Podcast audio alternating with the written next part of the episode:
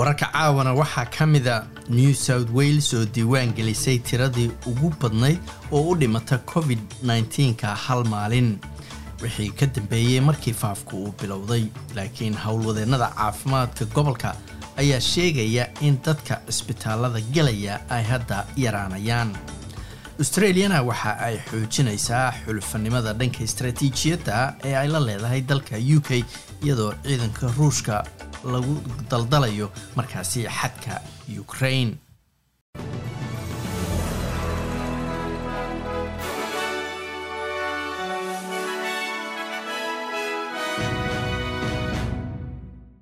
New south wales ayaa diiwaan gelisay dhimashadii ugu badnayd oo hal maalin u dhimata covid -19 wixii ka dambeeyey intii faafku uu bilowday iyadoo maanta xanuunka ay u dhinteen afartan iyo lix qof waxaa sidoo kale laga diiwaangeliyey gobolka labaatan iyo shan kun iyo boqol iyo lixdan iyo sideed qof oo covid -19 qaba labaatan iyo afartii saacadood ee u dambeysay. Madaxa caafimaadka gobolka new south wales doctoresa carri jant ayaa sheegtay in inkastoo tirada dhimashada la filayo inay kororto toddobaadyada soo socda dadka cisbitaalada galaya ayaa u muuqda ayay tiri inay yaraanayaan ama hoos u dhacayaan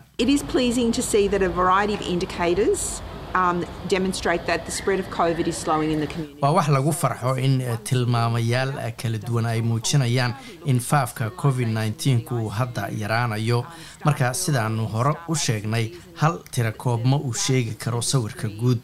haddaan aragno dadka cisbitaalka ku jira shaqaalaha qeybta dadka liita ee cisbitaalada ee maqan la fiiriyo iyo baaritaanada covid -19ka ee la qaadayo dhammaan waxay muujinayaan in faafka covid -19ku uu yaraanayo waana wax lagu farxo ayay tiri tirada dadka cisbitaalada ugu jira covid -19ka gobolka ayaa hoos u dhacay sidoo kale oo noqday laba kun iyo toddoba boqol iyo afartan iyo saddex hoosna uga dhacday laba kun iyo toddoba boqol iyo sideetan iyo kow oo maalintii ka horreysay. Uu ahaa dadka ku jira qeybta dadka liita lagu hayo ee cisbitaalada ee i c u-ga la yiraahdo ayaa sidoo kale hoos u dhacay oo noqday laba boqol iyo sagaal qof iyadoo horey khamiistii uu u ahaa laba boqol iyo labaiyo toban qof saraakiisha caafimaadka victoria ayaa bixinaya ama markaasi siinaya dadka abaalmarino ay ku dhiiragelinayaan in dadku ay qaataan tallaalka saddexaad ee buusterka la yiraahdo. Gobolka ayaa fasax lacagta lagu siinayo siinaya shaqaalaha dowladda ee istallaalaya. Khasnajiga victoria team palace ayaa sheegay in isbeddelkan uu sahlayo inay dad badani qaataan tallaalka saddexaad.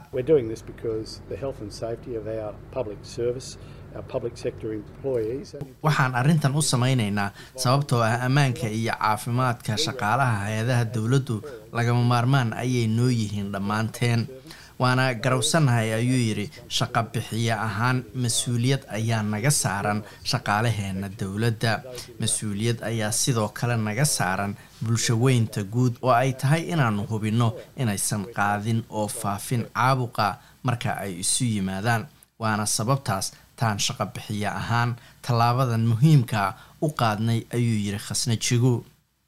victoria ayaa laga diiwaangeliyey labaatan qof oo xanuunka covid -19ka u dhimatay labaatan iyo afartii saacadood ee u dambeysay iyadoo gobolka laga helay sideed iyo toban kun iyo boqol iyo lixdan iyo toddoba case oo covid -19a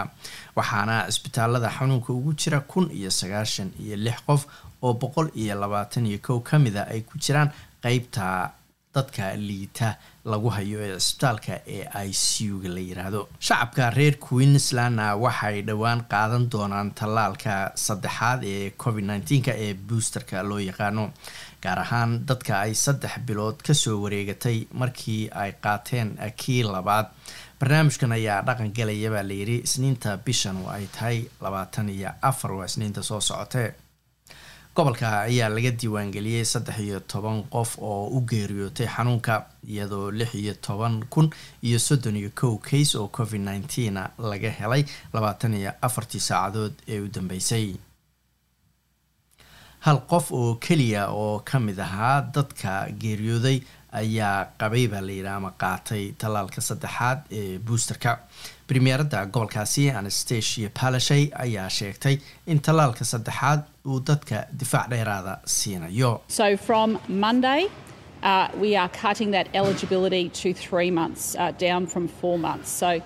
Uh, uh, marka laga bilaabo isniinta bishani tahay labaatan iyo afarta waxaanu dhimaynaa wakhtiga u dhexeeya tallaalka labaad iyo boosterka oo saddex bilood noqonaya awalse horey u ahaa afar bilood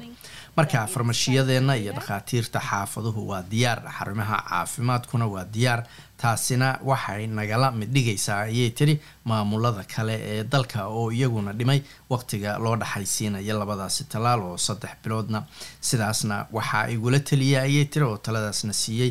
sarkaalka caafimaadka ugu sarreeya gobolka siddeed boqol iyo konton iyo shan qof ayaa isbitaalada covid nneteen ugu jira gobolka queensland iyadoo konton iyo afar ka mid ah ay ku jiraan qeybta xaaladda deg dega ama dadka liita lagu hayo ee i c u-da. Tasmaniana waxaa ku geeriyooday qofkii ugu horreeyey oo u dhintay covid nneteen wixii ka dambeeyey sannadkii labadi kun iyo labaatankii kadib markii haweenay sagaashan jir ahayd oo aan tallaalnayn ay ku dhimatay xarun dadka waayeelka lagu hayo oo ku taala magaalada hobart gobolka ayaa laga diiwaangeliyey siddeed boqol iyo lixdan iyo lix kays oo cusub oo covid nneteena iyadoo premierka gobolkaasi waa tasmania peter goodwin uu sheegay in dad ka badan kuwii shalay xanuunka laga helay kuwo ka badan laga sii daayay karantiilka. Saraakiisha caafimaadka ayaan iyagu xaqiijin in haweenta dhimatay oo aan tallaalnayn ay dooratay inaysan istallaalin iyo inaysan helin fursad ay isku tallaasho laakiin ku-xigeenka madaxa caafimaadka dadweynaha doctoresa julia graham ayaa sheegtay in xarumaha lagu hayo dadka waayeelka ee tasmania dhowaan la siiyey ama ay heleen fursado ama barnaamijyo markaasi dadka lagu tallaalo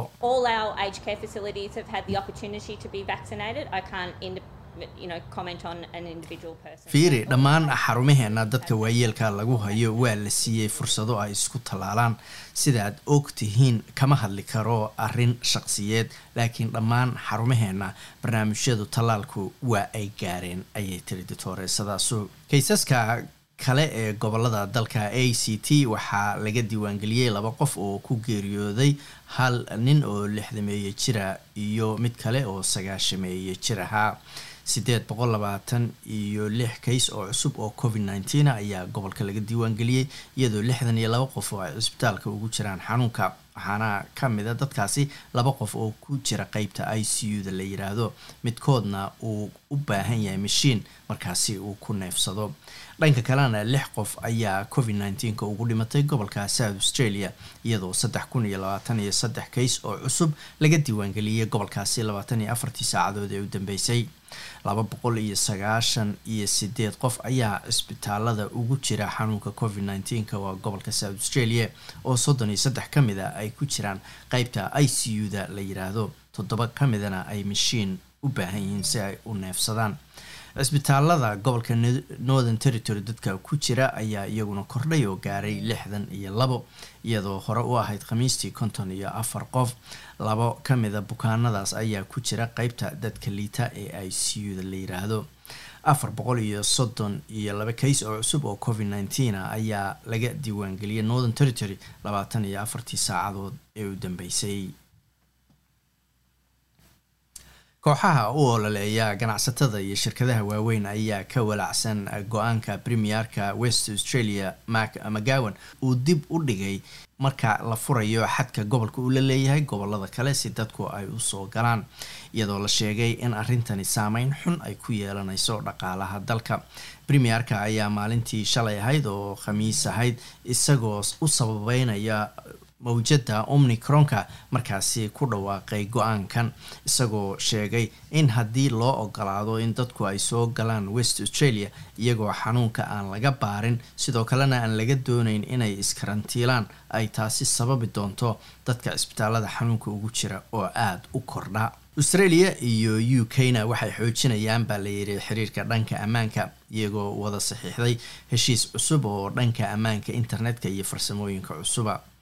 wasiiradda arrimaha dibadda ee dalkan australia marie spain wasiirka difaaca australia peter dutton iyo wasiirka ama xogayaha arrimaha dibadda ee u k liis truss ayaa maanta shir jaraa-id ku qeexay go'aanka ay ku gaareen kulankii shirkii wasiirada u k iyo australia. Wasiiradda arrimaha dibadda australia miss paine ayaa sheegtay in saaxiib nimadanu ay imanayso xilli lagu jiro caqabado ama ay jiraan caqabado dhanka istaraatiijiyadda oo ay ka mid yihiin china oo awoodeeda gobolka pacifica sii xoojinaysa iyo gardaraysiga ruushka ee xadka dalka ukraine uu la leeyahay saadaasha hawada brito oo sabtiya magaalada bet inta badan waa cadceed iyo kulayl. Afartan digrii bay gaaraysaa adelaide waa qeyb ahaan daruur iyo soddon iyo saddex digrii melbourne waa cadceed iyo soddon iyo saddex digrii sidoo kale magaalada sydney qeyb ahaan waa daruur iyo labaatan iyo lix digrii brisbane xoogaa roobaba ayaa la filaya labaatan iyo sideed ayayse gaaraysaa. Halka australian dollar maanta waxaa lagu sarrifayay toddobaatan iyo laba senti oo lacagta mareykanka ah aan ku bilaabo xubinta isboortiga tartanka kubadda cagta qaramada qaaradda afrika ee si xiise badan uga socda garoomada kala gedisan ee dalka cameron ayaa hadda soo gaaray wareegiisii labaad ee lix iyo tobanka iyadoo xulkii difaacanaya tartankan ee algeria daaqada laga saaray kulamadii ugu dambeeyey ee dhanka guruubyada koobkan ivory ayaa waxay tartanka ka cirib tirtay xulka algeria oo koobkan difaacanayay waxaanay kaga adkaatay saddex gooli hal. Ciyaartii ugu dambeysay ee dhanka gruubkoodii waxaanay tani ka dhigan tahay in xulka waqooyiga qaaradda afrika tartankan uu isaga haray isagoo aan hal guul ka gaarin marka loo eego saddexdii ciyaarood ee uu ciyaaray oo mid barbardhac uu helay oo keliya. Kulamada kale ee dhacay siralion ayaa gool eber looga adkaaday waxaana ka badisay xulka equatorial guinea gambia ayaa gool eber iyana dirtay xulka tunisiya waxaanay qayb ka tahay wacdaraha ka dhacay tartankan sababtoo ah xulka tunis oo la xusuusto inay u ciyaaraan ciyaartooy waaweyn oo ka xamaasha qaaradda yurub. Islamarkaana horay koobkani ugu guulaysatay ayaa si dirqiya iminka wareegga lix iyo tobanka ku soo gaartay waxaana tunisiya kulankan ay guuldarada gool eberka ka qaadatay gambiya ka dhigaysaa in kaalinta saddexaad si dirqiya ay gruubkeedii kaga soo gudubto xulka kubadda cagta ee maali ayaa isna xaqiijiyey in kaalinta koowaad gruubkoodii ay kaga soo gudbeen markii laba gool eber ay direen xulka mauritaniya hadda lix iyo toban xul ayaa isugu soo haray tartankan iyadoo lixda gruub ee tartankan loo qeybiyey mid laba xul ay ka soo gudbeen halka xulalkii haray afarta xul ee ugu dhibcaha badan la soo qaaday. Gruub e cameroon iyo burkina faso ayaa ka soo gudbay iyadoo xulka cabverde ee kaalinta saddexaad afar boonto ku soo gudubtay gruubka labaad ee gruub b senegal iyo guinea ayaa soo gudbay iyadoo kaalinta saddexaadna xulka malawi ay ku soo gudubtay afar dhibcood. Gruubka xiga ee gruub c morocco iyo gabon ayaa ka soo gudbay iyadoo comoros saddex dhibcood ay yeelatay. Gruubka kale ee gruub d nigeria ayaa si awooda sagaal dhibcood iyadoo ku tiigsatay kaalinta koowaad waxaana gruubkaasi labaad ku soo gudbay xulka ugu hanashada badan koobkan ee masar. Ivory ayaa gruubkeedii iyana waxay kaga soo gudubtay toddoba dhibcood. Hase yeeshee equatorial guinea ayaa kaalinta labaad kaga soo gudubtay lix dhibcood. Gruubka kale ugu dambeeya xulalka maali iyo gambiya ayaa min toddoba dhibcood ku soo gudbay halka tunisiana saddex dhibcood ay keensatay oo la soo qaaday. Wareegga labaad ee lix iyo tobanka wareegga labaad ee lix iyo tobanka oo xulkii laga adkaado tartanka ka hari doono ayaa waxay xulalka isugu aadeen. Burkina faso iyo gabon nigeria waxay qaabili doontaa xulka tunisiya guinea iyo gambiya ayaa is arki doonaa cameroon iyo comoros ayaa iyaguna ballansan. Senegal waxay la dheeli doontaa xulka cabverde morocco iyo malawi ayaa iyaguna isugi doonaa halka maroodiyaasha ivory ay wajihi doonaan faraaciinta egypt waana kulanka ugu adag wareegga labaad ee lix iyo tobanka koobkani iyadoo kulanka ugu dambeeya maali ay la ciyaari doonto xulka equatorial guinea. Dhanka iyo tartanka tenniska ee ka socda magaalada melbourne ee australian open xidiga labaad ee dunida tenniska daniel medmedev iyo ninka kaalinta afraad ee dhanka iskuadka stefanos sitabas ayaa u soo gudbay wareegga xiga ee saddexaad tartanka australian open ee magaalada melbourne ka socda ciyaaryahanka reer rushiya ee medmedev oo hadda ah ninka ugu sarreeya dhanka iskuaadka koobkani ayaa waxa uu garaacay nick kaigios oo u dhashay dalka australia isagoo ku reebay sad gaaraya toddoba lix toddoba hal lix afar afar lix lix labo. Halka saddex iyo labaatan sana jirka griega u dhashay ee stefanos tastibas uu ciyaar adag oo wakhti badan qaadatay ku reebay teenisyahanka reer argentiin ee sebastian bays isagoona ku garaacay sad gaaraya toddoba lix lix toddobo shan toddobo lix saddex lix afar. Ciyaar qaadatay saddex saacadood iyo labiyo labaatan daqiiqo. Hadda ninka reer greeg wuxuu wajihi doonaa beniot piera ka oo ku soo garaacay sad gaaraya lix afar lix afar lix toddobo. Ciyaaryahanka reer greeg grigior dimitrof dhanka iyo dumarkana gabadha reer england ee emma radukanu ayaa lagu reebay tartankan iyadoona sheeganaysay in gacantu ay ka dhaawacnayd sagaal iyo toban sana jirada iyadoo haysata u s open ayaa saddex iyo eber ku hogaaminaysay qaybtii koowaad ee ciyaarta hase yeeshee labadii qayb ee dambe ayaa laga daba yimi waxaana sad gaaraya lix afar afar lix lix saddex ku garaacday gabadha kaalinta sagaashan sideedaad kaga jirta qiimaynta dunida ee ciyaarta tenniska ee danka covinich ee u dhalatay dalka montenegro. Xubinta ciyaaraha s b s muqdisho